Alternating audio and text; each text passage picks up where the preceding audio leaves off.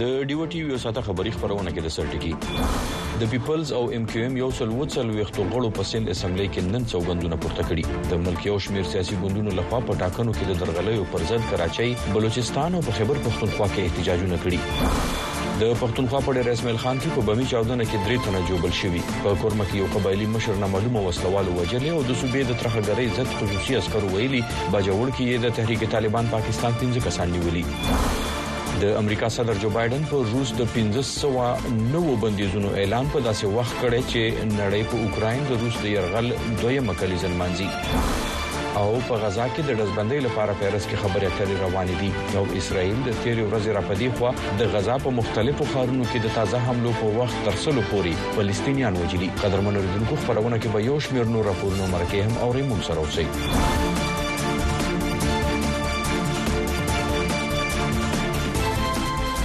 ستړي مشه زه مشفق ومند وایس اف امریکا ډیو ټي وی دین د خالی ورځ د کال 2023 پرورې د میاشتې 23 منېټه ده دا وخت پاکستان کې د شپې لاس افغانستان کې نه نیمه او په واشنگټن ډي سي کې د غرمې 12 بجې دي راځو د نن ورځې مهم خبر پلو ته د پاکستان په سند صوبه کې په اسمبلی کې نن د نو منتخب شو امیدوارانو څخه سوګندونه خستل شوی پیپلز ګوند او د ایم کیو ایم یو څل وڅل ویخ کسانو سوګندونه پورته کړې دي خو د ګرینډ ډیموکراټک په نوم سیاسي اتحاد تحریک انصاف او جماعت اسلامي منتخب غړو په انتخاباتو کې د درغلیو په ضد باندې احتجاج په توګه څوګند نه دی پورته کړی او د کراچۍ پریس کلب مخې ته احتجاجي مظاهره یې کړې ده. په دغه اړه باندې د ډیوه خبریال ذوالفقار بیټني نور تفصیل تاسې ته د کراچۍ نه وړاندې کوي.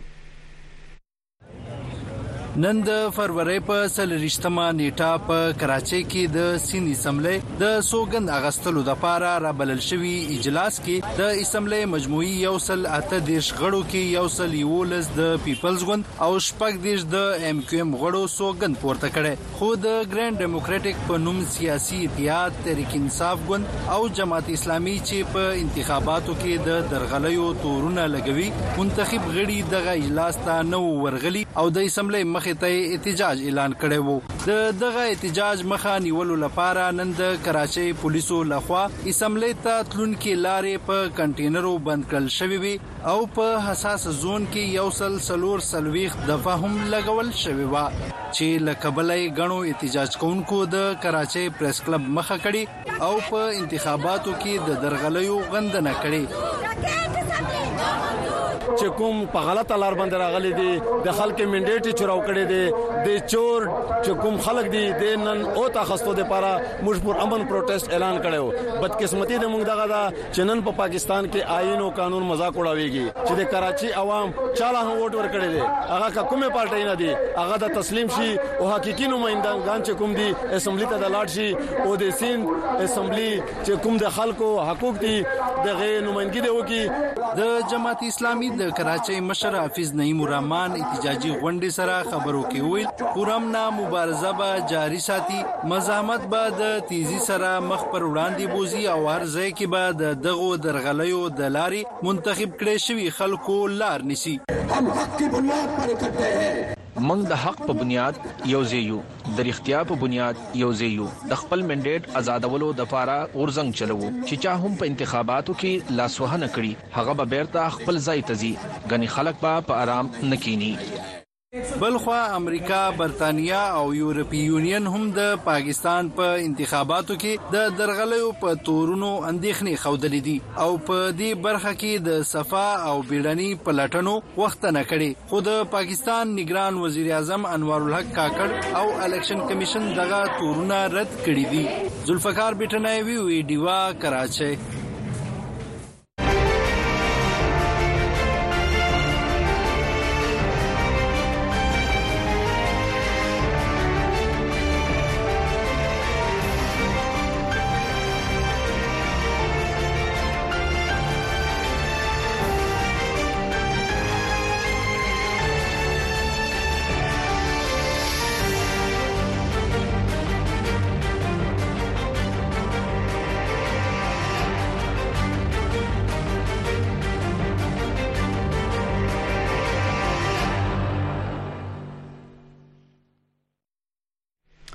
د ډیوه ټي وي خبرونه تنه خپل غل واشنگټن ډي سي نه غوږی پاکستان کې د اتمې پرورې د ټاکنو وروسته که څه هم د ملک یو شمیر سیاسي ګوندونو نتیجې ندی منلي او د درغلیو تورونه پورې کوي خو په مرکز، سند او پنجاب کې د حکومت سازۍ چارې روانې شوي. تېره ورځ د امریکا یو سېنېټر هم په پاکستان کې په انتخاباتو کې د درغلیو د پلټنو لپاره غږ کړی او په امریکا کې د پاکستان سفیر ته یې په دغه اړه باندې خط لیکلی. د اسلام اباد نه د ډیوه خبریال الیاس خان صاحب موږ سره دا وخت سکایپ د لارې ملګری دی، ورته هرکلی کوو. الیاس خان صاحب ستړي مه شئ. ډېره مننه اشفاق صیب، خوشحال اوسئ. مننه الیاس خان صاحب، د اسلام اباد سیاسي فضا نن څنګه وه؟ جی اشفاق صاحب اسلام آباد کې څنګه چې زموږ کتونکو اوریدونکو ته پته ده چې د لومبي پړاو ختمېدو وروسته چې کله د غټاکنې په اتمه فروری او شوې دا غې نرسته خو تقریبا لس ورځې یو غیر یقیني صورتحال او چې کله پاکستان مسلم لیګ نون او پیپلز ګوند په خپل کې په مرکز کې حکومت جوړولو باندې سلا شو دا غې نرسته دغه یو غیر یقیني صورتحال ختم شوه دی او د دې سره سره راتلونکي هفته کې قوي امکان دی چې د قامي اسمبلۍ غونډه به هم راوبلل شي چې پکې به نوي منتخب شوي غړي د سوګند پورته کولو نه علاوه قاید ایوان منتخب کوي ظاهره ده چې د مسلم لیګ نون صدر شهباز شریف د وزیر اعظم کاندید دی او د غرن پایني عہدو باندې د پیپلز ګوند آصف علي زرداری به صدر وي د دوی به چیرمن سینیټ وي قامي اسمبلۍ سپیکر به د مسلم لیګ نون نه وي او دوه ګورنران به د پیپلز ګوند نه او دوه د مسلم لیګ نون به وي نو دغه سنټر کې هم دغه هلې ځلې روانې دي او د دې ترڅنګ بیا ظاهره ده چې کومې صوبې دي د پاکستان هغه کې هم دغه هلې ځلې روانې شوې دي او نن د ټولو نه لوی صوبې پنجاب سته چی د مرکز د پاره هم یو دروازه ویل کیږی چی کوم کس وایی په پنجاب کی یو ګوند زیات سیټونه واخلی نو هغه په مرکز کی هم خپل حکومت په اسانه سره جوړول شی نو نن پاکستان مسلم لیګ نون دغلته نه ړومبی پړاو کی خپل سپیکر لږه شیبه وړاندی دغه ووټونه وشو د سپیکر د پاره او د هغوی چی کوم کاندید وو ملک احمد خان هغه ته په پنجاب اسمبلۍ کې دوه سوه او پنځه ویشت رایې یا اوټونه ملاو شو او د هغه په مقابله کې د سني اتحاد چې کوم کاندید و احمد خان بچړ هغه ته سل اوټونه ملاو شوي دي نو دې نه رستو اوس دغه غونډه اوس هم روانه ده او د دې نه پس به د مرستیال سپیکر د پاره دغلته کی رای ورکول کیږی جی اشفاق صاحب. الیاس خان صاحب په پاکستان کې د شوو انتخابونو په وخت د درغلیو تورونه چې کم لګول کیږي او داغي د پاره احتجاجي مظاهره هم په ګرد ملک کې روان دي په دغه اړه باندې د الیکشن کمیشن یا د عدالتونو لخوا یا د کم نورو ادارو نه داسې کم بیان مخه ترغلې چې غیبه دغه درغلیو چې کم تورونه دي د پلټنې کوي جی اشفاق صاحب د دې حواله سره خو وړاندې هم چې څومره د دغه تورونه دي د درغلو په ملک دنن هم د بار هوادونو څنګه چې تاسو د امریکای د سېنیټر خبرو وکړه نو هغه د پاکستان نگران وزیر اعظم هم سو واره دا ویلي دي خارجه دفتر هم ویلي دي الیکشن کمیشن اف پاکستان هم ویلي دي چې چا چاته په دې کې شکایات یا هغه دا وایي چې ورسره درغلې شوې دي دا غي د لپاره مناسب یا پراپر فورنس د الیکشن کمېشن اف پاکستان دی د دې نه علاوه الېکشن ټرېبېونلز دي دا خلک هاېي کورټس يا د هغې نه پس سپرېم کورټ ته هم تللی شي نه که دا خلک دې قانون په خپلو لاسونو کې واخلي او احتجاجونه دې کوي روډونه دې بندوي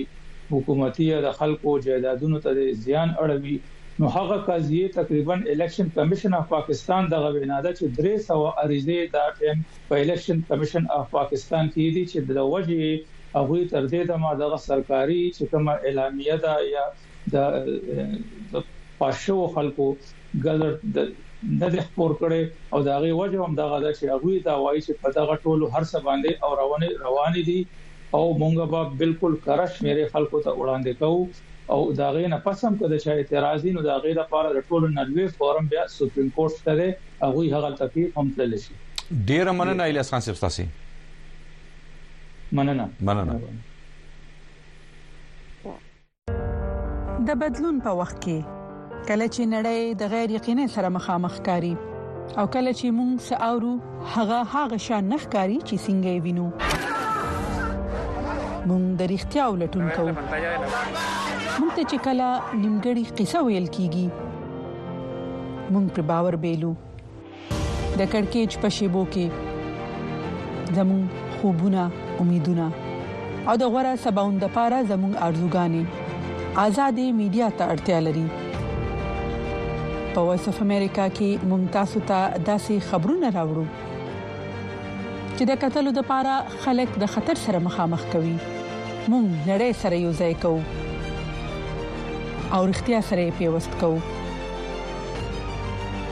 په وایس اف امریکا کې مونږ تاسو ته پوره عکس درخایو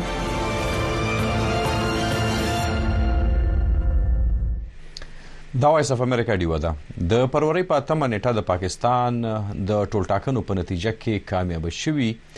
د بلوچستان اسمبلی کاندیدان به د رواني میاشتې یعنې د فرورۍ په اته ویشت مه باندې خپل سوګندونه پورته کوي خو د بلوچستان ډیر سیاسي ګوندونه په احتجاج دي او د انتخابي نتیجو د نه منلو اعلان یې کړي نور حال د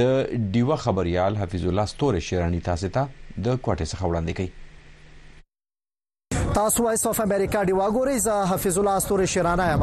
د بلوچستان گورنر ملک عبدالولي کاکړ د بلوچستان د صوبایي اسمبلی اجلاس پر 28 فروری ماسپښین 3 بجې راغوښته دی په دې اجلاس کې به د 8 فروری د پاکستان د عمومي ټول ټاکنو په نتیجه کې چې د بلوچستان د صوبایي اسمبلی لپاره کم کاندیدان کامیاب شوي وو هغه به خپل سوګند یا حلف اخلي یوې خواته ک کامیاب سوي امیدواران پر 28 فروری به حلف اخلي خو بل خواته موږ ګورو چې د بلوچستان په بلابلو سیمو کې د بلابلو سیاسي ګوندونو له خوا څخه د احتجاجونو لړۍ دوام لري دغه احتجاجونه د 8 فروری د انتخاباتو د نتیجو پر ضد دي اوس زه چې پر کوم مخام ولاړم دا د بلوچستان ایالت د سر شهر کوټه د کمشنر د دفتر مخ دی دلته د څلور سیاسي جماعتونو د اتحاد احتجاجي پرلت ل 9 می فروری څخه شروع شوی دی چې لا هم دوام لري دوی مخته کوم لا عمل لري او غوښتنې یې څه دي په دې اړه به خبرې کوو له موږ سره د پښتونخوا ملي عوامي ګوند په استازیتوب باندې هم غړي ولیار دي کبیر افغان صاحب دی همدغسې د بي ان پي منګل څخه لمر سره مری صاحب دی او علي احمد له نېشنل پارټي څخه دی د هزاره دیموکراتیک ګوند غړي هم دلته موجود دي خو خبره به موږ له مری صاحب سره کوو ستاسو د احتجاج لایمل به نور په مخ سوي ولې چې د اسمبلی اجلاس هم اناونس او څه به وایسه ګوره تاسو په خبر یاست چې اته فروری باندې چې دلته الیکشن وسو او بیا په نه تاریخ نه فروری باندې چې دلته کم اروز دی اروز د ولس کم چې دی هغه د دوی ووټ طریقې کار دا ټول تبديل کړل د دوی په نتیجې باندې دلته یو غټه بوران پیدا سو او خلک ټول ووتله سیاسي ګوندي ووتلي او د په خبرې چې تقریبا 15 14 ورځې کیږي هلته چې دی نېشنل هایویز بند سو جلسې وی جلوسونه وی درنې وو شټر ډاون وو دا ټول شیانو بیا دغه ځای چې موږ ولاړ یو دلته څلور دا کم زموږ قام وطن پال کم پارټیان چې و په دې کې بلوچستان نېشنل پارټي پښتونخوا ملي عوامي پارټي نېشنل پارټي هزاره ډیموکراټیک پارټي دغه زموږ چې دی دلته په دغه ځای باندې سبب بیا بدلته جلسه کیږي خبره ده پښتم تاریخ باندې گورنر صاحب اجلاس راغوښتي نو تاسو لا عمل بچوي تاسو به یو داسې خبره سوي و چې تاسو په حالت خپل ولسی اسمبلۍ لګوي دغه اسمبلۍ څنګ ته تاسو به کوم احتجاج کوي مخه به یې نیسي خپل اسمبلۍ به لګوي هلته څه به کوي موږ چې دی سبا به دلته زموږ جلسه کیږي دلته زموږ د پارټیانو هغه ملګری برازي نو سبا به موږ دا فیصله کوو لیکن دا خو یو انډرسټوډ دا تای دی چې موږ سیاسي جمهوریت پنداز کې هر مظاهره بم کوو موږ چې دی جلسې هم کوو موږ درنې بم کوو د دغه اسمبلۍ ممبرانو د کم خلک چې راغلي دي د دوی د زموږ د صوبې د د ولس د خدمت لپاره او زموږ د صوبې وسایل لپاره د دوی هیڅ نه مبارزه سته نه د دوی مقصد سته دوی به خالي دلته راضي به دوی به هغه د اسټابلیشمنت پالیسیانو ته به دوی به مهر لګي تصدیق کوي نو دا د دې لپاره موږ په هر سطح باندې به موږ جلسه کو جلوس کو مظاهره کو موږ ټول نړۍ ته دا وایو چې دا کم الیکشن په دا 8 فروری باندې سوي دي دا مکمل جعلي الیکشن وو دا فراډ الیکشن وو دا سلیکټډ الیکشن وو د دوی نتایج دي زموږ د پاره موږ د دوی نتایج نه منو او موږ د ډیر مننه ډیر مننه خپل نبی مری صاحب د دوی په وینا چې دوی د اتمې فروری د انتخاباتو دغه نتیجې منلو ته تیار نه دي یوازې دلته دا څلور سیاسي ګوندونه نه بلکې د بلوچستان په نصیر آباد کې د پیپلز ګوند د غړو لخوا څخه احتجاج دوام لري د دې ترڅنګ د بلوچستان په چمن ښار کې هم حالت د عوامي نشل ګوند لخوا څخه احتجاجي پرلت لاتیرو 15 شپږ ورځو څخه دوام لري د سیاسي ګوندونو لخوا څخه چې د الیکشن کمیشن باندې یا پر نتایج باندې چې کوم تورونه پوري کیږي الیکشن کمیشن او د بلوچستان حکومت دا تورونه په کلکو ټکو رد کړی دي او ویلي دي چې کوم سیاسي ګوندونه کوم اعتراض لري هغه دي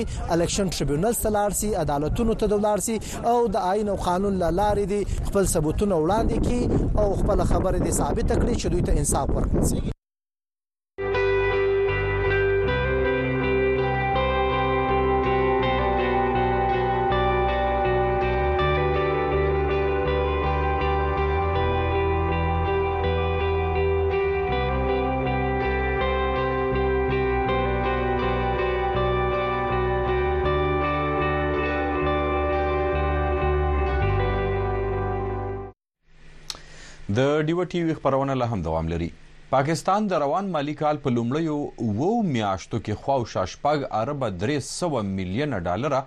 قرضې ترلاسه کړې دي او د سیاسي کړکېچ او اقتصادي بدحالۍ سره مخ دغه هیواد کې د ګرانۍ کچه نوره هم په پورته تللې. د اقتصادي چارو کارپوهان د پاکستان د نوي راتلونکي حکومت لپاره معاشي استحکام ستر ازمېښت او په ګرانۍ قابو موندل غټ چیلنج ګڼي خو د دې ترڅنګ په موجوده وخت کې هم هره اونۍ د خوراک څښاک د څیزونو په نرخونو کې په پرله پسې اضافه روانه ده. د ډیوه خبریال ارشد حسین د اسلام آباد نه په دغه باندې نور تفصیل تاسو ته وایي د پاکستان د شماریاتو د محکمې له خوا د هفتوارې ګرانۍ په اړه جاري شوي تازه شمیرو کې ویل شوي چې په تیره یوه هفته کې د خوراک څښاک د درویشت شیزونو په نرخونو کې اضافه راغلې ده او د دې سره په یوه هفته کې د ګرانۍ کچه د صفر اعشاریه څلور فیصدي څخه درې اعشاریه شپږ اته فیصدي ته ختلې ده. د شماریاتو د محکمې د رپوټ تر مخه په یوه هفته کې د یو کیلو ټماټرو نرخ څلیریشت روپۍ، د یو کیلو چرګ نرخ پنځه نیمې روپۍ، د یو کیلو غوښې قیمت کې اووه روپۍ او دا شان د کیلو په سر د بیلابیلو دالونو په قیمتونو کې څه دپاسه یوه یوه روپۍ اضافه شوې ده. ګیس پرایزز هم نیم دیکه کې تقریبا. د ګیس په نرخونو کې خو شا شپېته فیصدي اضافه راغلې ده او هر درې میاشتې پس د بجلي قیمتونه هم زیاتیږي او د دې سره د اقتصادي ترقۍ په اړه د پاکستان حکومت په خپلو هدفونو تر لاسه کولو کې ناکامه شوی دی او د دې نیغ په نیغه اثر په اقتصاد پریوځي ګراني په ښکته نه راځي او دا وخت د ګرانۍ کچه یو کم دېرش فیصدي نه بره ده. پاکستان دا وخت په اتمه فرورۍ شوو انتخاباتو کې د درغلو د تورونو، د اقتصادي بدحالۍ او سیاسي عدم استحکام سره مخامخ دی او ولس هم د مخ په سېوا کېدونکې ګرانۍ څخه سر ټکوي. د پاکستان د شماریاتو د محکمې په رپوټ کې ویل شوي چې په هېواد کې په دې روستو کې د پټرولو، او ګېسو په نرخونو کې شوې اضافه هم د خوراکي توکو په نرخونو کې د اضافې لوی سبب ګرځېدلې دی. د بلوم برګ نومې خبري ادارې د پاکستاني چارواکو له خولې ورکړي خبر کې ویلي چې هېواد یې د نړیوالې مالیاتي ادارې ایم ایف څخه د شپږ اربه ډالرو د نوي قرض ترلاسه کولو اراده لري چې روان کال یې په قرضونو کې ورکړي. د پاکستان ډان ورځپاڼه وايي پاکستان د روان مالي کال په لومړو اوو میاشتو کې خواوشا شپږ اعشاریه درې اربه ډالره بهرنۍ قرضې ترلاسه کړې دي چې د کلني بجټ د اټکل تقریباً پنځه دېرش اعشاریه اووه پنځه فیصدي جوړېږي. د اقتصادي چارو ماهرین وايي، د پاکستان نوي حکومت ته به تر ټولو لوی چیلنج په ګرانۍ قابو موندل وي. یه بړا ایک چیلنج هوګا که ګورنمنټ مهنګايي کو کیسې کنټرول. د ګراني کنټرول کول به راتلونکي حکومت لپاره لوی ازمېښت وي. که موږ آی اېم اېف ته ځو نو د بجلۍ او نورو شیزونو قیمتونه به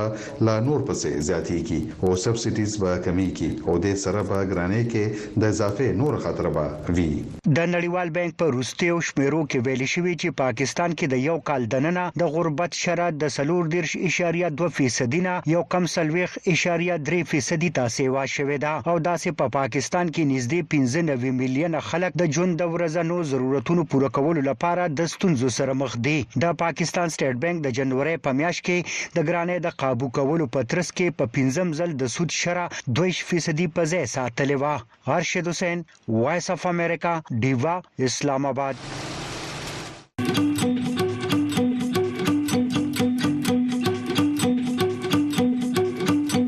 وي او ای ډیوه په سټیلایټ ټي وي هره ورځ سلیویریش ساته په دیشنټینا تاسو په یو ټل سټلایټ په ټي وي تازه تولا او به طرفه خبرونه بحثونه او سیړنی کتلې او اوریدلې شي د یو ټل سټلایټ فریکوئنسي یا سبې او یا بي او یا اشاریه 15 ایست چینل یو سلدري هر ورځ سلویری ساته لډي وسره اوسئ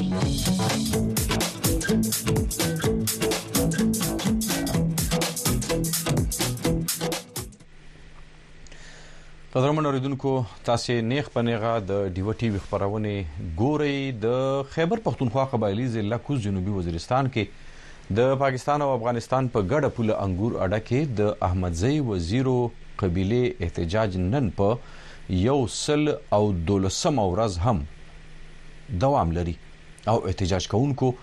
د افغانستان او پاکستان ترمنځ غزیدلې تجارتي لاره د سامان وړونکو گاډو پر مخ تړلې ده دا په داسې حال کې چې په باجوړ کې نن د ترهګرۍ ضد پولیسو د پنځو د تحریک طالبان پاکستان د ترهګرو د نیولو دعوه کړې ده او په ډېره اسمل خان کې درې تنه تېره ورځ په یو بمي چاودنه کې جوبل شوي او په کورمه کې یو ځایي ملک د نامعلومه کسانو لخوا وژل شوی د ډیوه خبریال عدنان بیټنی دا وخت موږ سره ملګری دی عدنان بیټنی صاحب ستړي مشي مهرباني اشفاق صاحب مننه عدنان بیټنی صاحب که لومړی راته د کورمه کې چې کوم وژل شوی ځایي ملک دی د هغې د مرګ په اړه تفصیل راکړئ مهرباني وبخښئ دا قبایلي ضلع اورکزی ده او د علاقې امنیتي سرچینې او پولیس وایي چې دغه پیښه نن سهار په فیروزخیل سیمه کې شوې ده او بیا ځایي خلکو وایس اف امریکا ډیبا ته وویل چې دغه پیښه په کوم ځای کې شوې دلته سخت امنیت نیول شوی وي او دغه قامي مشر باندې نامعلومه کسانو ډزې کړي او چې بیا تر هغه وروسته پولیس په خپل باندې چې هغه تښتیدلی او د دې مقدمه چې د نامعلومه کسانو پر خلاف درج کړل شوې ده خو تر دې وروسته پولیسو دا نه دي ویلي چې په دې پېښه کې څوک نیولي او که نه نیولي، خو دا یې ویلي چې د دوی لټون عملیات چې دي هغه دوامدار دي. زه به تاسو ته دا ووایم چې اورکزی هغه قبایلي یا یوازنۍ قبایلي ضلع ده چې د دې پولې افغانستان سره نه دي لګېدلې، خو دغلته په دې وروستیو کښې د چې دي دلته تحریک طالبان پاکستان حکیم الله محسود چې په خپله باندې دلته خوندي مرکز لرلو خو بیا په تېر څه وخت راهسې د دغه ځای څه کوم تحریک طالبان پاکستان فعالین وو دغه په داعش وسله والې ډلې کښې شامل شوي دي. خو زه به تاسو ته بیا هم ووایم چې تر اوسه پر دې ملک ذمواري چا په غاړه نه اخیستې خو د علاقې وایس اف امریکا ډیوه ته وویل چې دا یو مخور مشر وو چې زیاتره به جرګو او مرکو کې په حکومت باندې هم نیوکې کولې او ورسره ورسره د علاقې کښې د جرګو او مرکو او د امن لپاره زیات لیواله وو. بیړني صاحب د ډیر اسمل خان د چاودنې که حال راکړي او ورسره د باجوړ په اړه چې کم د ترهګرۍ ضد پولیسو د پنځو کسانو د نیولو دعوه کړې که د هغې حال هم راته راکړئ. دغه دعوه خو د ترهګرۍ پر ضد پولیس وايي چې په باجوړ سیمه کې دې پنځه وسله وال طالبان نیولي او دې دعوه کوي چې د دې تړاو چې دې تحریک طالبان پاکستان سره دې او دا وايي چې دغه اوس د امنیتي عسکرو په ولکه کښې دې او دا په وروستیو کښې د ناامنۍ په زیاتو پیښو کښې ککړ پاتې شوي دي. زه به تاسو ته دا ووایم چې باجوړ هغه قبایلي ضلع ده چې په دې وروستیو کښې پکښې د ناامنۍ زیاتې پېښې رپورټ کېږي خو د دغو زیاتو پېښو ذموارۍ ذموارۍ چیني بیا د تحریک طالبان پاکستان تر څنګ داعش وسله واله ډله په غاړه باندې اخلي بله پېښه چې د دغه په ډېره اسماعیل خان درازنده سیمه کښې سیمه کښې پرون شوې وه او په درازنده بازار کښې یوه چاودنه شوې چې پکښې درې کسان په موقع ژوبل شوي وو چې بیا وروسته هسپتال ته وړل شوي خو هسپتال سرچینې د هغې حالت هم د خطرې نه بهر یادوي. خو پولیس وايي، دغه چې کوم بارودي توکي وو، دا په یو پولیس کې ایښودل شوي وو او زیاتوي چې د دې هدف د پدرازنده بازار کې عام ولسونه وو. تاسو ته به زه دا هم ووایم چې تېره اونۍ پدرازنده سیمه کې پولیسو یو ځايي افسر چې و، هغه د وسله والو لخوا وړل شوی و چې تر هغې وروسته د وسله والو پرضد ملي پاڅون شوی و او پدرازنده سیمه کې نږدې پنځه وسله وال چې و، دغه د ولسي پاڅون لخوا په ډزو کې وژل شوي وو چې د دې پخلی ځايي پولیسو او امنیتي چارواکو هم کړی و. بېټني صاحب، د انګور اډه د افغانستان سره چې کوم لویه لار ده د جنوبي وزیرستان څخه په دغه لار کې یا په دغه لار باندې چې دا وړېدو راوړېدو د پاره کم د ویزې او د پاسپورت شرایط د پاکستان د حکومت لخوا د تیر کال نومبر میاشت کې پر ځای کړی شوی وو قانون جوړ شوی وو د هغې پر ضد دغه احتجاج چې نن یې یو سل او دولسمه ورځ ده په دغه احتجاج کوونکو که حال راته راکوي دا چې د حکومت له خوا دوی سره د خبرو اترو کوم هڅې شوي دي د دوی چې کوم غوښتنې دي څه غوښتنې دي او حکومت دغه غوښتنو ته غاړه کېښودې که نه؟ دغه احتجاج نژدې چې څلور میاشتې کېږي د افغانستان سره په پوله انګور اډه سیمه کې روان دی او دا د وزیر احمدزی قبیلې له خوا چې دی چې هغې کښې څلور مخورې قبیلې برخه څخه اخلي شتون لري تاسو ته بس دا وایم چې د دې اتلس نکاتي غوښتنې دي چې په دغه کښې په علاقه کښې امن او امان برقرار ساتلو سره سره په علاقه کښې انټرنیټ او موبایل اسانتیا پر ځای کول شامل دي همدې سره په علاقه کښې سکولونه کالجونه روغتیا مرکزونه او سړکونه جوړولو غوښتنه هم کوي خو دې تر ټولو زیاته مهمه غوښتنه دا کوي چې د څوکې د پولې دواړې غاړې ته د یوې قبیلې خلک یعنی وزیر قبیلې خلک مېشته دي او دی یو بل سره راشه درشه لري بل د دی په دغه پوله باندې له تیرو څه وخت راسې یعنې له تیرو وختونو راسې کاروبار روان دی او په دغه کاروبار کې چې کله د پاکستان حکومت دغه بندیز لګولې چې چا سره چې دی ویزا یا پاسپورت نوي نو هغه تګ راتګ نشي کولای نو دی وایي چې یو تر څو دغه علاقې چې تندروي سره مخامخ ته ورسته پاتې کړل شوی نو دغه بندیز ورسته د علاقې اقتصاد چې دغه پټه په اودرځلای بل دغه علاقې که څه هم په صوبه کې شامل کړی شوی دي خو دغه د ژوند هیڅ قسمه اسانتیا نه لري او د دغو پر ځای کولو غوښتنه کوي. زه به تاسو دا هم ووایم چې دې په وروستیو کښې د عامو ټاکنو پر مهال د رای ورکولو څخه هم بایکاټ یعنې پریکړه د بایکاټ پریکړه کړې وه خو بل طرف ته بیا چې کوم د علاقې حکومتي چارواکي دي هغه وایي چې د دې د سکول، هسپتال یا دغسې ورسره د سړک یا روغتون چې کومه غوښتنه ده دغه جایزې دي او دې ته دا ویل شوي دي چې تر څو پورې نوي حکومتونه نه وي جوړ شوي نو چې څرنګه نوي حکومتونه جوړ شي د دغه غوښتنو باندې به عمل شروع شي خو ورسره ورسره بیا چې کوم دغه پاسپورت او د ویزې نظام دی نو دوی وایي چې دا په حکومتي کچه باندې فیصله شوې ده او دوی دغه فیصله چې دا نشي پرشا کولای او دا به دغسې په ځای وي خو بل طرف دغه خلک وایي چې دغه چې کومه د روزګار ذریعه وه او دغه له تیرو څلورو میاشتو راڅې دغه هلته د ګاډو تګ راتګ هم په ټپه ودرېدل دی کاروبارونه هم په ټپه ولاړ دي او دلته د خلکو د ورځې معاش چې و د زر نه تر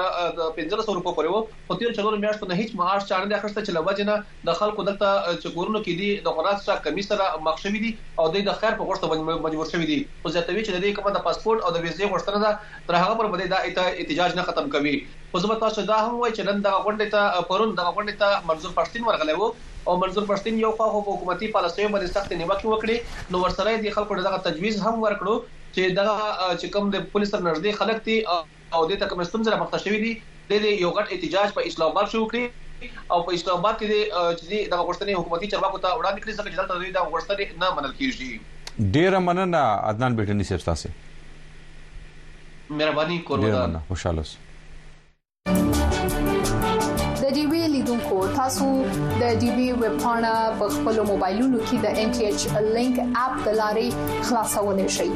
د دې طریقه به تاسو ته وښایم چې تاسو په آیفون او په انډراید فون باندې څنګه کولای شئ چې داغه اپ ډاونلوډ کړئ او له هغه ځای څخه د ډي وی ویب پاڼه وګورئ د ان ټي ایچ لینک اپ ډاونلوډولو لپاره که تاسو سره آیفون وي نو تاسو خپل اپل سٹور پرانځئ او که له تاسو سره انډراید فون وي نو تاسو ګوګل سٹور پرانځئ له هغه وروسته لټون کې ان ټي ایچ لینک ولیکئ او دغه اپ ډاونلوډ په دویم پړاو کې د آی اګری تڼۍ کې کاږي او بیا د فلګ لاندې د کنیکټ تڼۍ کې کاږي او په دریم پړاو کې بیا د اوکی تڼۍ یا بټن کې کاږي له کنیکټېدو وروسته تاسو د دې وی پاڼه پرانیزئ او د خپلې خوښې خبرونه وګورئ او له هغه ځایه تاسو کولی شئ چې د خپلې خوښې ټول پروګرامونه، ریپورتونه او لیکنې ولولئ او وګورئ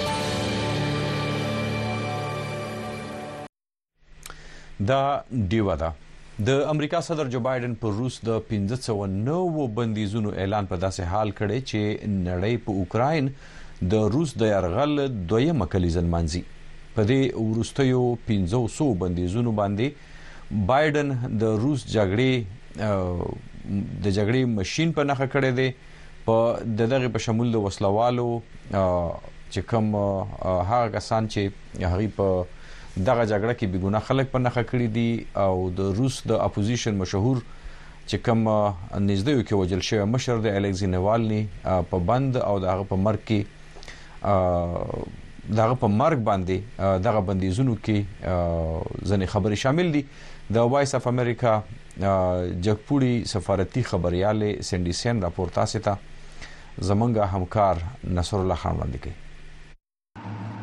د اوکراین دفاعي ځواکونه د روس د یرغلګر پوځ د شا تګ لپاره هڅه کوي د جمعې په ورځ صدر جو بایډن د روس د اپوزیشن د مشر الکسی ناوالنی باندې د روس په زندان کې د برید او مړینې په سر په 1500 کسانو او ادارو باندې د بندیزونو په اعلانولو سره په اوکراین کې د روس د یرغل دویمه کلیزه ولمانځله هغه وویل چې د روس صدر ولادمیر پیوټن د یوکراین د خلکو زړورتیا ناسمه اندازه لګولې وه. او پوټین په دې باوري و چې هغه به په اسانۍ سره د یوکراین د ازادو خلکو حوصله او همت مات کړي، په خلکو به تېر شي او هغه به یوکراین ونیسي.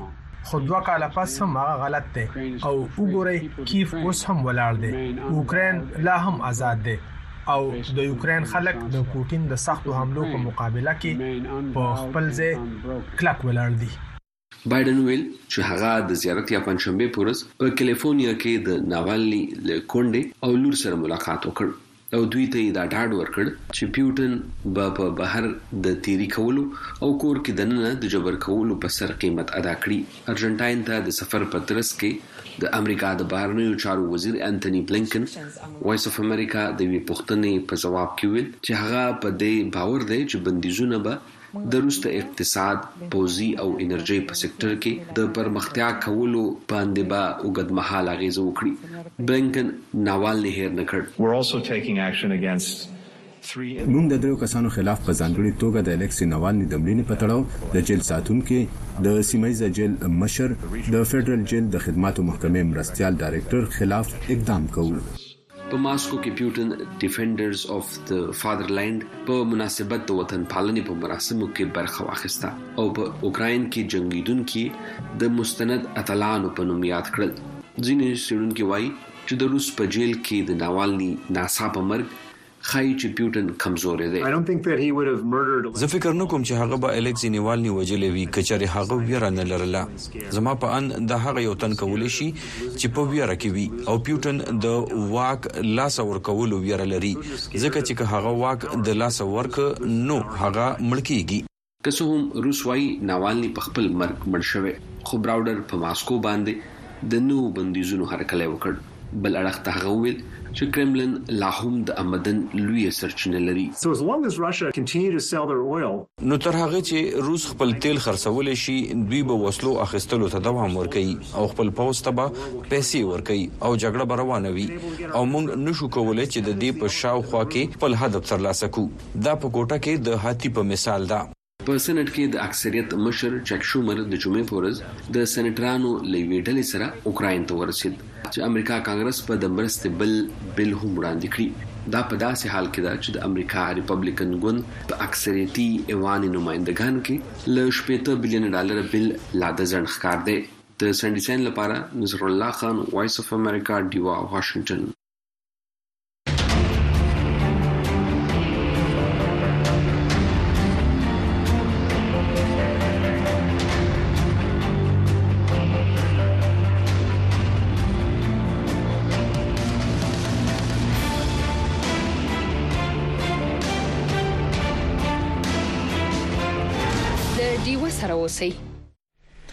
د غزا ښار په رفاه کې د اسرائیل د ممکنه عملیاتو وړاندې د اسرائیل او حماس ترمنځ په جګړه کې د اوربند ترلاسه کولو او د باقي پاتې اسرائیلي یرغمل کسانو د راخلاصولو لپاره پیرس کې د دریم ګړو خبرې دوام لري. اسرائیل په ولسی کچه څه نه دی ویلی خو د اسرائیل د استخباراتو یا موساد مشر هم په پیرس کې دی. بلې خوا د اسرائیل د وزیراعظم نتنیاهو د خوا د جنګ وروسته د ممکنه پلان په سر هم اختلافات رامخې ته شوي. په دغې نور تفصیل تاسو ته زمونږ همکار ارباب محمودعلي وړاندې کوي. د اسرایل ځواکونو د خالي پورز د غزا په خان یونس، رفا او دیر البلا سیمو کې د اویاو نه په زیاتو بریدونو کې لږ تر لږه 92 کسان وژلي دي. اسرایل ویلي که زر تر زره لوظنامه ترلاسه نه شوه نو دوی به په رفا برید وکړي. واشنګټن د اسرایل نه غوښتنه کړې چې د دې ممکنه عملیاتو نه ډډه وکړي ځکه چې د دې نه د ملکي کسانو د زیاتې مرګ ژوبلې د رامخته کېدلو ژرې دي.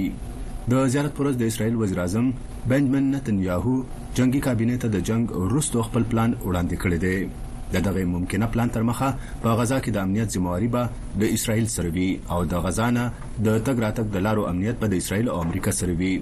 دغسې د بېلابېلو خبري ادارو تر مخه اسراییل د غزا غاړې ته په بېلابېلو سیمو کې تر د یو میل پورې بفر زون ساتل غواړي.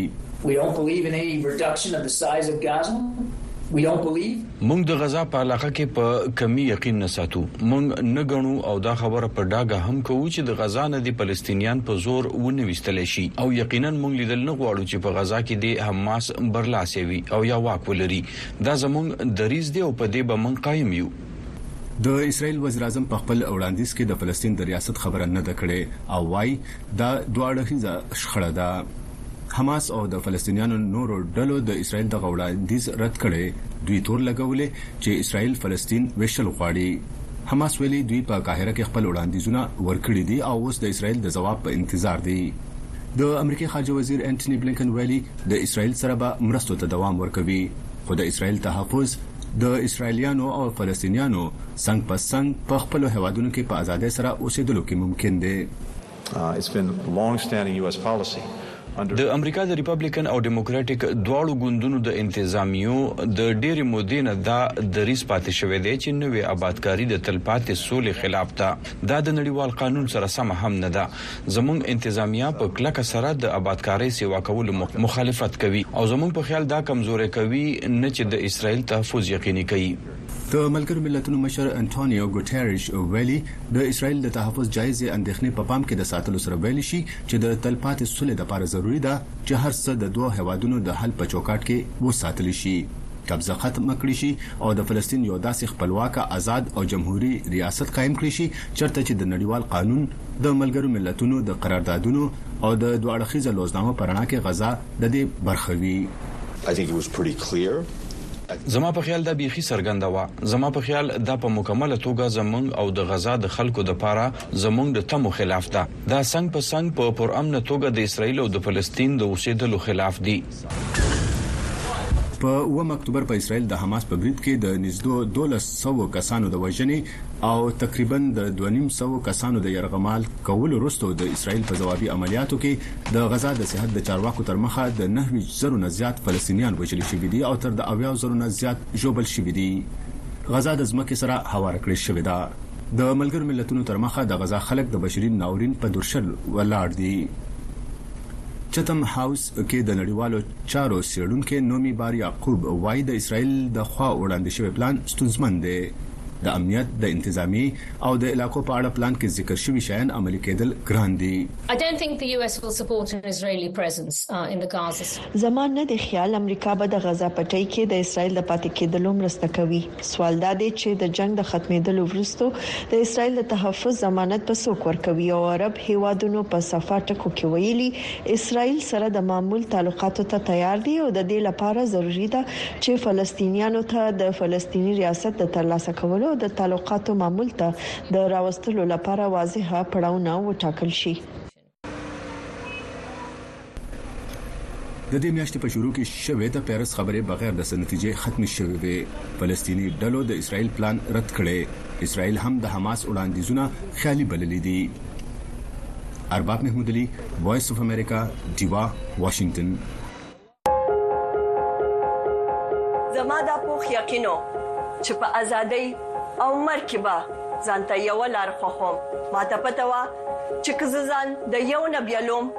نو بلبا لازمن خوخم که بل سو کې کوي او کنا صحیح کار صحیح د هر انسان ژوند باید د بل لپاره یو مثال جوړ شي د هر عمل یو عکس العمل ضروری د انسان لاس ته هغه سرازي چې صحیح کړي تاسو هم بدلون راوستئ شئ تاسو هم بدلون راوستئ شئ تاسو هم بدلون راوستئ شئ دا ټول په یو وخت کې عادي خلک وو خو د نورو په ژوند کې یو لوی بدلون راوسته که هغه وړوکی وي او که غټ تاسو هم دغه بدلون راوستلی شي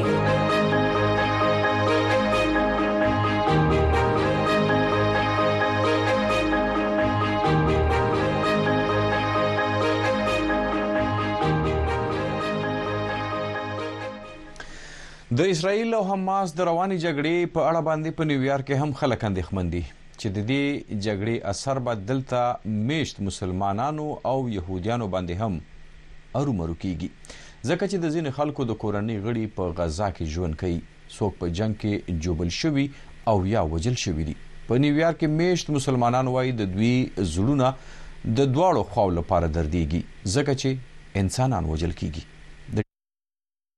د اسراییل او د حماس د روانې جګړې په اړه په نیویارک کې هم خلک اندېښمن دي چې د دې جګړې اثر به دلته مېشت مسلمانانو او یهودیانو باندې ضرور کېږي، ځکه چې د ځنې خلکو د کورنۍ غړي په غزا کې ژوند کوي، څوک په جنګ کې ژوبل شوي او یا وژل شوي هم دي. په نیویارک کې مېشت مسلمانان وايي، د دوی زړونه د دواړو خواوو لپاره درزېږي، ځکه چې انسانان وژل کېږي. په نیویارک کې د مذهبي مرکز هیل سایډ اسلامیک سنټر د بورډ مشر عبدالعزیز ویوې ډیوه ته وویل، ځینې خلک د اسراییل او د حماس جګړه د مسلمانانو او یهودیانو ترمنځ جګړه بولي، خو داسې نه ده، ځکه چې په غزا کې د مسلمانانو سره سره عیسایان هم ژوند کوي. د دغه جګړې اثر به په نیویارک کې میشت پر هغه ټولنو شوی چې په فلسطیني علاقو او اسراییل کې ژوند کوي. دلته زموږ قانون نافذوونکې ادارې موجودې دي او خپل کار په ښه شان سره کوي. زما په خیال دا معامله به دومره لرې نه ځي چې پکې جګړې وشي، خو بیا هم باید موږ خیال وساتو او باید له امنیتي ځواکونو سره په رابطه کې یو چې داسې زموږ د عبادت مرکزونه محفوظ وي، خو بیا هم زما په خیال د تهذیبونو جګړې ته به دا معامله نه رسیږي. د مسلمانانو تر څنګ د بېلابېلو مذهبونو سره تعلق لرونکي خلک هم هیله من دي چې په نړۍ کې به د ورورولۍ او امن فضا جوړه شي، کرکې به ختمې شي. د یهودي ټولنې اسراییلي امریکن کونسل یو مشر ایلان کار وايي، دوی د بېلابېلو ټولنو سره دلته ژوند کوي او هیله لري چې لکه څنګه دلته په امن او ورورولۍ ژوند کوي، په ټوله نړۍ کې به خلک هم دا رنګ ژوند تېر کړي. خدای دې وکړي چې دا کال د انصاف کال وي، خدای دې تیارې ختمې کړي، رڼاګانې دې خورې شي، موږ باید په اتفاق ژوند وکړو، امن ته غاړه ورکړو او د شریکې بریا لپاره هڅې وکړو. د یهودي ټولنې یو بل غړې مشیلي بیساخ ویووې ډیوه ته وویل، په نړۍ کې د بیلابیلو مذهبونو خلک ژوند کوي او څنګه چې په امریکا کې په امن او مینې سره اوسیږي، هیله ده د منځني ختیځ په شمول هر ځای به هم دا رنګ مینه او ورورولي قایمه شي. موږ داسې نړۍ غواړو چېرته چې انصاف وي. منځنی ختیځ د بېلابېلو مذهبونو، اسلام، عیسویت، یهودیت او نورو مذهبونو مرکز دی او هم له دغه ځایه بیا دغه مذهبونه خواره شوي دي. خدای دې وکړي چې دا نړۍ د مینې او امن ډکه نړۍ جوړه شي. د دې جګړې د اغېز نه د مسلمانانو تر څنګ په امریکا کې مېش بېلابېلو ټولنو کې پېښې رپورټ شوې دي. د کلیفورنیا ایالت پوهنتون کې د نفرت او افراطیت د مطالعې د مرکز تر مخه په کال دوه زره درویشت کې یو وارې بیا د کرکې جرمونه سېوا شوي دي. په دغه کلنۍ مطالعه کې ویل شوي، په نیویارک ښار، لاس انجلس، شیګاګو، هیوسټن او نورو ښارونو کې د تېر کال پر پرتله دغه جرمونه دیارلس فیصده زیات شوي دي او دوه زره یو سل څلور اتیا پېښې رپوټ شوي دي. دغه مطالعه زیاتوي، په نیویارک او لاس انجلس کې د یهودیانو او مسلمانانو ضد د کرکې جرمونو کې دوولس فیصده او اته څلوېښت فیصده زیاتوالی رپوټ شوی دی. فضل الله. وایس اف امریکا دیوه نیویارک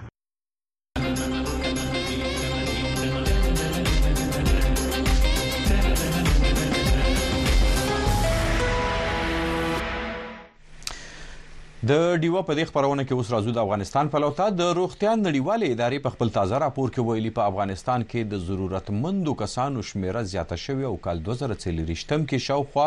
څلېرویشت میلیونه خلک روغتیايي مرستو ته اړتیا لري. سازمان وايي چې په دې لړ کې د بودجې بشپړولو او خلکو ته خدمتونو ورکولو لپاره اضافي درې سوه دوه پنځوس میلیونه ډالرو ته حاجت دی. د اقتصادي چارو افغان کارپوهان وايي چې د جمهوري نظام د ختمېدو په نتیجه کې د مرستو کمېدل او اقتصادي ناورین راتلل هغه عوامل دي چې په هېواد کې روغتیايي مرستو ته ضرورت سیوا شوی دی. په دې اړه د ډیوه خبریال عبدالرزاق نور تفصیل تاسې ته وایي. د روغتیا نړیوالې ادارې په خپل وروستي رپوټ کې ویلي چې په افغانستان کې بشري مرستو ته اړتیا زیاته شوې ده او د دوه زره یوویشتم اګست میاشتې وړواندې چې کوم اتلس اعشاریه څلور میلیونه خلکو مرستو ته اړتیا لرله روان کال یې شمیره نږدې څلیریشت میلیونه ته رسیدلې ده. د اقتصادي چارو افغان څېړونکي وايي، د سیاسي بدلون په نتیجه کې د مرستو کمښت او اقتصادي بحران پیدا کېدو له وجې د روغتیا په برخه کې د مرستو طلب سېوا شوی دی. دی وايي، په بهرني امداد د انحصار کمېدو دپاره به خلکو ته د روزګار زمینه برابرول يي. همدا لامل یې د نړیوالو مرستو کمېدنه چې دوی به د روغتیا په برخه کې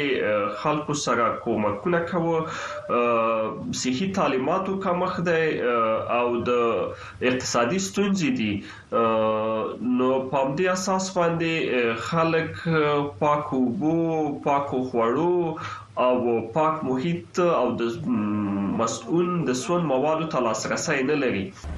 د روغتیا نړیوالې ادارې د رپورټ تر مخه دوه زره څلېرشتم به د ستونزو او چلینجونو کال یي. اداره وایي د دوه زره څلېرشتم او پنځېشتم کلونو دورې دپاره درې سوه او دوه پنځوس میلیونه ډالرو ته اړتیا لري چې د روغتیا په برخه کې د افغانانو سره مرستې وشي. د ادارې په رپوټ کې ویل شوي چې د ښودل شوې ابادۍ نهه اعشاریه پنځه میلیونه خلک چې د شلو زرو نه سیوا کلو کې ژوند کوي لا هم لومړنو روغتیايي خدماتو ته محدود یا هیڅ لاسرسی نه لري. د ښځو او ماشومانو د حقونو افغان فعالانې وايي که چېرې په هېواد کې د روغتیا مرکزونو بندېدل دوام وکړي نو دا به د ټولنې په مجموعي ژوند خراب اثر پرېباسي. خو د دې کې چې عمومي صحي سنټرونه د نړیوالو کومکو او نهادو تر طرفه درلودل چې په خیریه شکل دوی خلکو ته خدمات وړاندې کول بعض مراکز و چې هغه مشخص د نابینایانو او هغه څوک چې خبرې نشي کوي یا ګونګګان د پاره چې متاسفانه فعلا دغه مراکز ټول تړلي دي او دلته فعالیتونه نه کیږي په همدغه اساس باندې چې د ضرورت کچه ډیره لوړه تللې ده او نن ورځ دغه مشکلات سره افغانان لاس او ګریوان دي د روغتیا نړیوالې ادارې ویلي چې د فنډونو د کمي له وجې تېر کال د صحت ټول څلور سوه او دوه کم دېرش سهولتونه یا مرکزونه بند شول چې له امله یې د دېرشو لکو نه سېوا خلکو د روغتیا په برخه کې مرستو ته لاسرسی متاثر شو.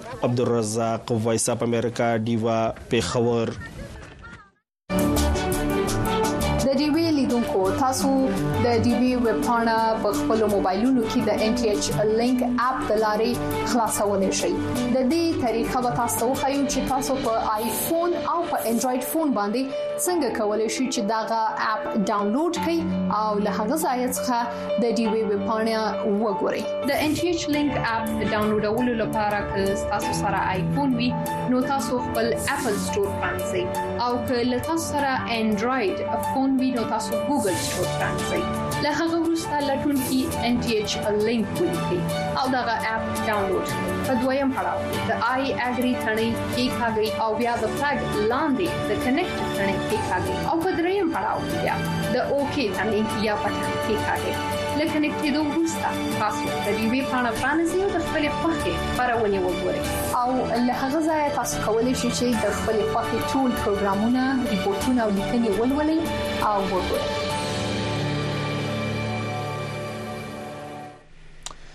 په بلوچستان کې د ماشومانو د ناروغیو پنځلسم نړیوال کانفرنس جوړ شوی چې پکې د بلوچستان په ګډون د پاکستان او بهر هیوادونو د ماشومانو ماهر ډاکټران په ځانګړي توګه د ماشومانو د دماغي ناروغیو د ښه درملنې په برخه کې نوې څېړنې شریکوي د کانفرنس برخوال دی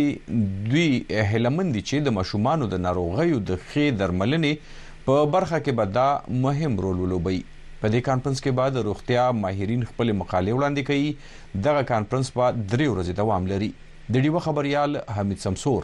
د کوټې څخه د دغې نور حال تاسې ته وايي. د بلوچستان په کوټه کې د ماشومانو د دماغي ناروغیو ډاکټرانو په کانفرنس کې وویل چې په کورنیو کې دننه د واده کولو په ماشومانو کې د ډول ډول ناروغیو سبب ګرځي. کې چې غټي نه جوړې نه دی هغه د مرګي نه جوړي ده د ډیپریشن نه جوړي ده د رګو نه جوړي ده چې نیروپاتي زورته وای د مسلز نه جوړي ده چې مایوپاتي زورته وای د ګردو په باره کې به مجلسونه کیږي خو دا خبره ده چې دا نه جوړې نه سره چې په فیملی کې دننه ودونه کیږي د دغه ودو د وجې چې کوم اولاد پیدا سي په هغه کښتیانو کې د ناجوړیان ډيري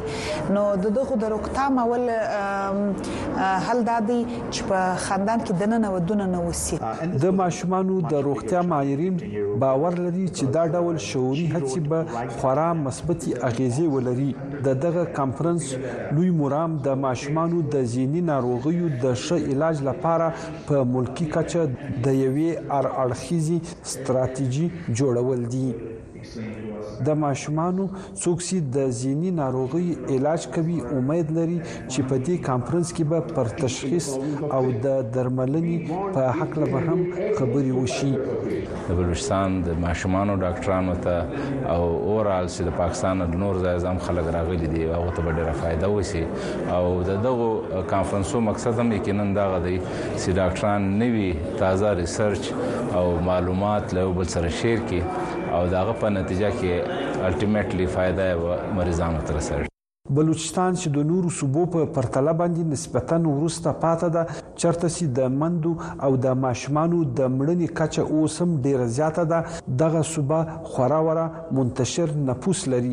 چې له امله یې تر خلکو پورې د روغتیا اسانتیاوې رسول یوه لویه ننګونه ده، خو ډاکټران وایي چې د پاکستان په نورو برخو کې هم شتون لري، په دې لړ کې خبري رسنۍ په زړه پورې رول لوبولی شي. چې چېرې دا ناجوړي محسوسه شي مور پلار ته یا د مرګي ناجوړي ده یا نورې ته دیګر ناجوړیانې دي، نو چې دی په اول عمر کې کښنی ډاکټر ته بوځي نو د کشنیانو د علاج کشنیان سمېدو کوشش کول کېدلی شي. د روغتیا ماهرین وایي د ساینس په دې پرمختللي دور کې اوس هم په بلوچستان کې هر کال په زرګونو ماشومان له دې سره سره د ملیریا، ژړي، توره غاړه، خرچټ، شری، سکاروی او د ټي بي په څېر د علاج وړ ناروغیو له امله یو شمېر ماشومان مري. حمید سمسور، وي او ای ډیوه، کوټه زما دا پوخ یقینو چې په ازادۍ او مرګ کې به ځانته یو لار خوخم ما ته پته و چې که ځان د یو نبیلوم نو بلبا لازمن خوخم که بل سو کې کوي او کنا صحیح کار صحیح د هر انسان ژوند باید د بل لپاره یو مثال جوړ شي د هر عمل یو عکس العمل ضروری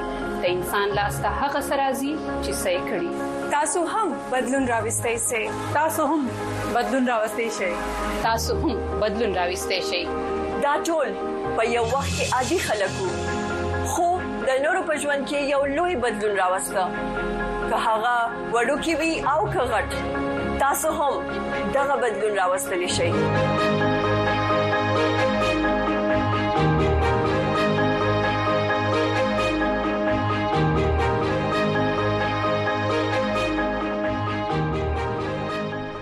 د وایس اف امریکا ډیو ټي وی خبرونه ته وګورئ د بلوچستان د مذهبي جماعت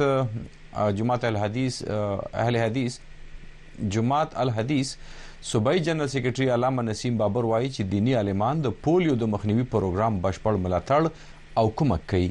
میندې باید په راتلونکي د پولیو ضد کمپاین کې خپل ماشومان حتما واکسین کړي ځکه چې د ناروغۍ یوازینی علاج همدا د دوی دغه قطرې دي. په دې باندې د ډیوه خبریال رفیع الله مندوخیل نور تفصیل وړاندې کوي.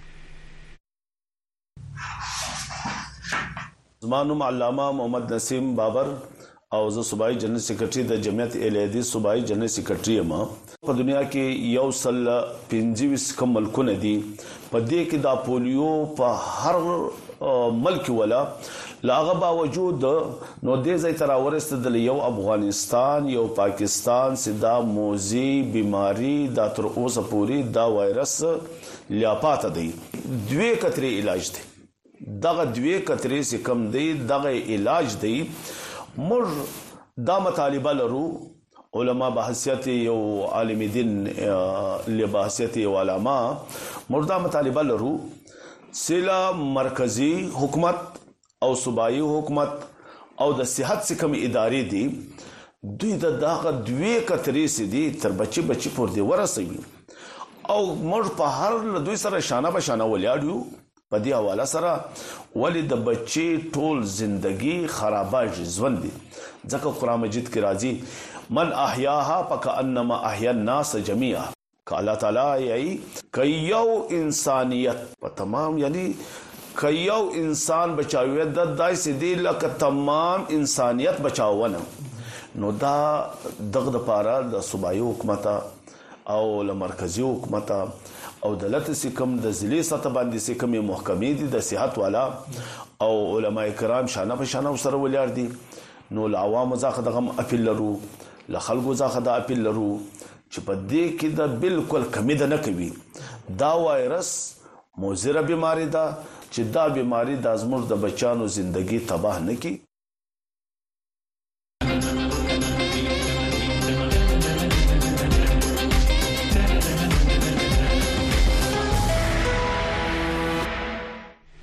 په خیبر پښتونخوا کې د سټرابرۍ په بوټو کې میوه راټوکېدل شروع شوې دي خو کروندګر وایي چې خرچه پې ډیره او ګټه یې کمه ده د ډیوه خبریال ملک وقاصي تفصیل تاسو ته وایي د چارسدې په سرکي سیمه کې په سوونو ایکړه ځمکه د سټرابري فصل تر لاندې ده چې د پیداوار سیزن یې شروع شوی دی. په بازار کې د یو کیلو سټرابري نرخ د دريو سوو روپو نه تر درې نيمو سوو روپو پورې دې خو کروندګر وايي خرچې پرې ډېرې او ګټه يې کمه ده. کم از کم زما دا واتم کال دی کنه چې کرم لکه بس ورکوټی راغټ شوی یم خو لکه واته کاله مې وشو چې سټاپ دی کرم خو ما لا اوسه پورې داسې ډېره ګټه نه ده ليدلې چې دا دونه ګټه يې کړې ده بس هغه ټيم دی تېرېږي پکې.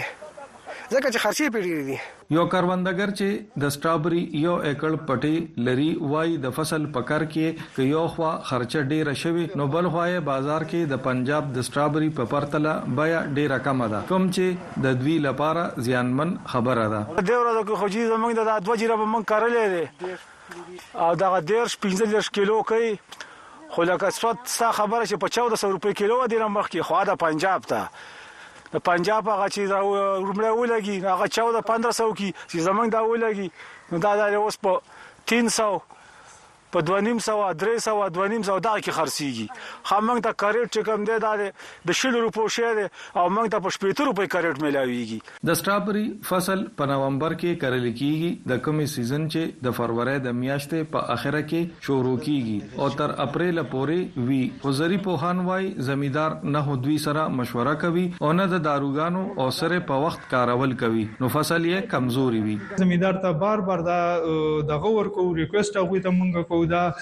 خبرې هغوی ته مونږ رسو چې تاسو کوشش کوئ چې کلم تاسو څه استعمالوي نو تاسو محکمه زراعت کسانو سره چې تاسو رابطه کوئ هغوی به تاسو پوره په ډیټیل په ارسه باندې پوي تاسو ته به صحیح طریقې به تاسو ته خي نو ان شاء الله ان شاء الله تاسو به دا مسلې د بیماری چې کوم راځي کم زمون زمیدار دا دغه کې چې زما فصل لیټ شو نو دا هغه فصل لیټ کېدل چې دا به پکې چې دینو نه راځي دا به ختم وي. د مقامي کروندګرو د وینا ترمخه د سیزن په منځ کې د یو ایکړ نه تر څلور سوو کیلو پورې سټرابري هم ترلاسه کیږي کومه چې نه یوازې په ملک دننه بلکې ګاونډي هیواد افغانستان ته هم لیږلې کیږي. ملک وقاص، وایس اف امریکا، ډیوه، چارسده.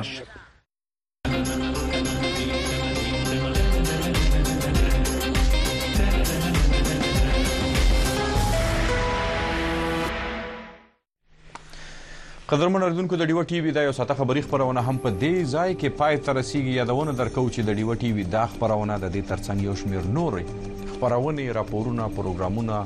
او یو شمېر نور معلوماتي خبرونه ستاسو لپاره د ډیوه په ویبپاڼه چلیری ساته تازه پراتی د ډیوه ویبپاڼه پته ده www.radio.com او په دغه ویبپاڼه باندې تاسو د نړۍ د خپل سیمې په سیاست په اقتصاد په کاروبار په تجارت په تعلیم او په یو شمېر نور موضوعاتو باندې ډیر څه زده کول شي کته شي د نړیوالو چارو په اړه باندې د امنیت په اړه باندې دغه معلومات زمونږ همکاران وخت په وخت تاسو لپاره تازه ساتي دغه شان په ټولنیزو رسنیو انستګرام فیسبوک او ټوئیټر باندې هم د معلومات تاسو لپاره پراتی زه اشفاق ومن سره د خپل همکار بختور شاه او جیمز تاسو نه اخلم اجازه خښپو لري د لفامه